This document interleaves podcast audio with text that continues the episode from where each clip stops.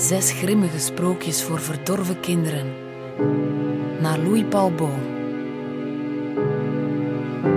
In een audiobewerking van het Geluidshuis.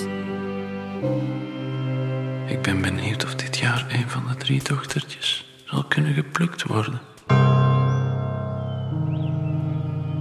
Een zaterdagmorgen kwam hij langs terwijl de oudste zich wassen wou in de kuip onder het afdak.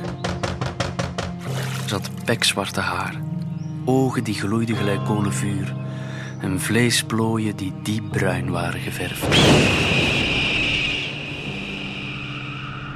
Er schreeuwden schelle vogels in het bloed van de kasteelheer toen hij haar in de kuip zag kruipen.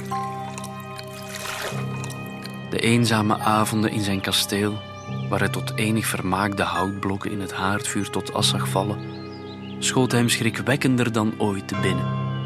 Hij haalde haar uit de kuip.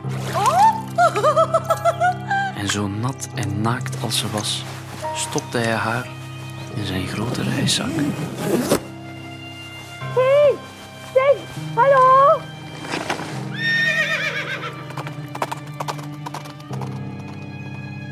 Langs een omweg keerde hij terug naar het hart van het bos.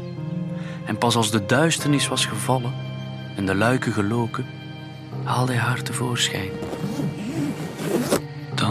Gelijk de vlammen in de haard. Schreeuw gelijk de vogels in mijn bloed. En blijf naakt, gelijk daar in de kuip. Zes grimmige sprookjes voor verdorven kinderen. Meer info vindt u op geluidshuis.be.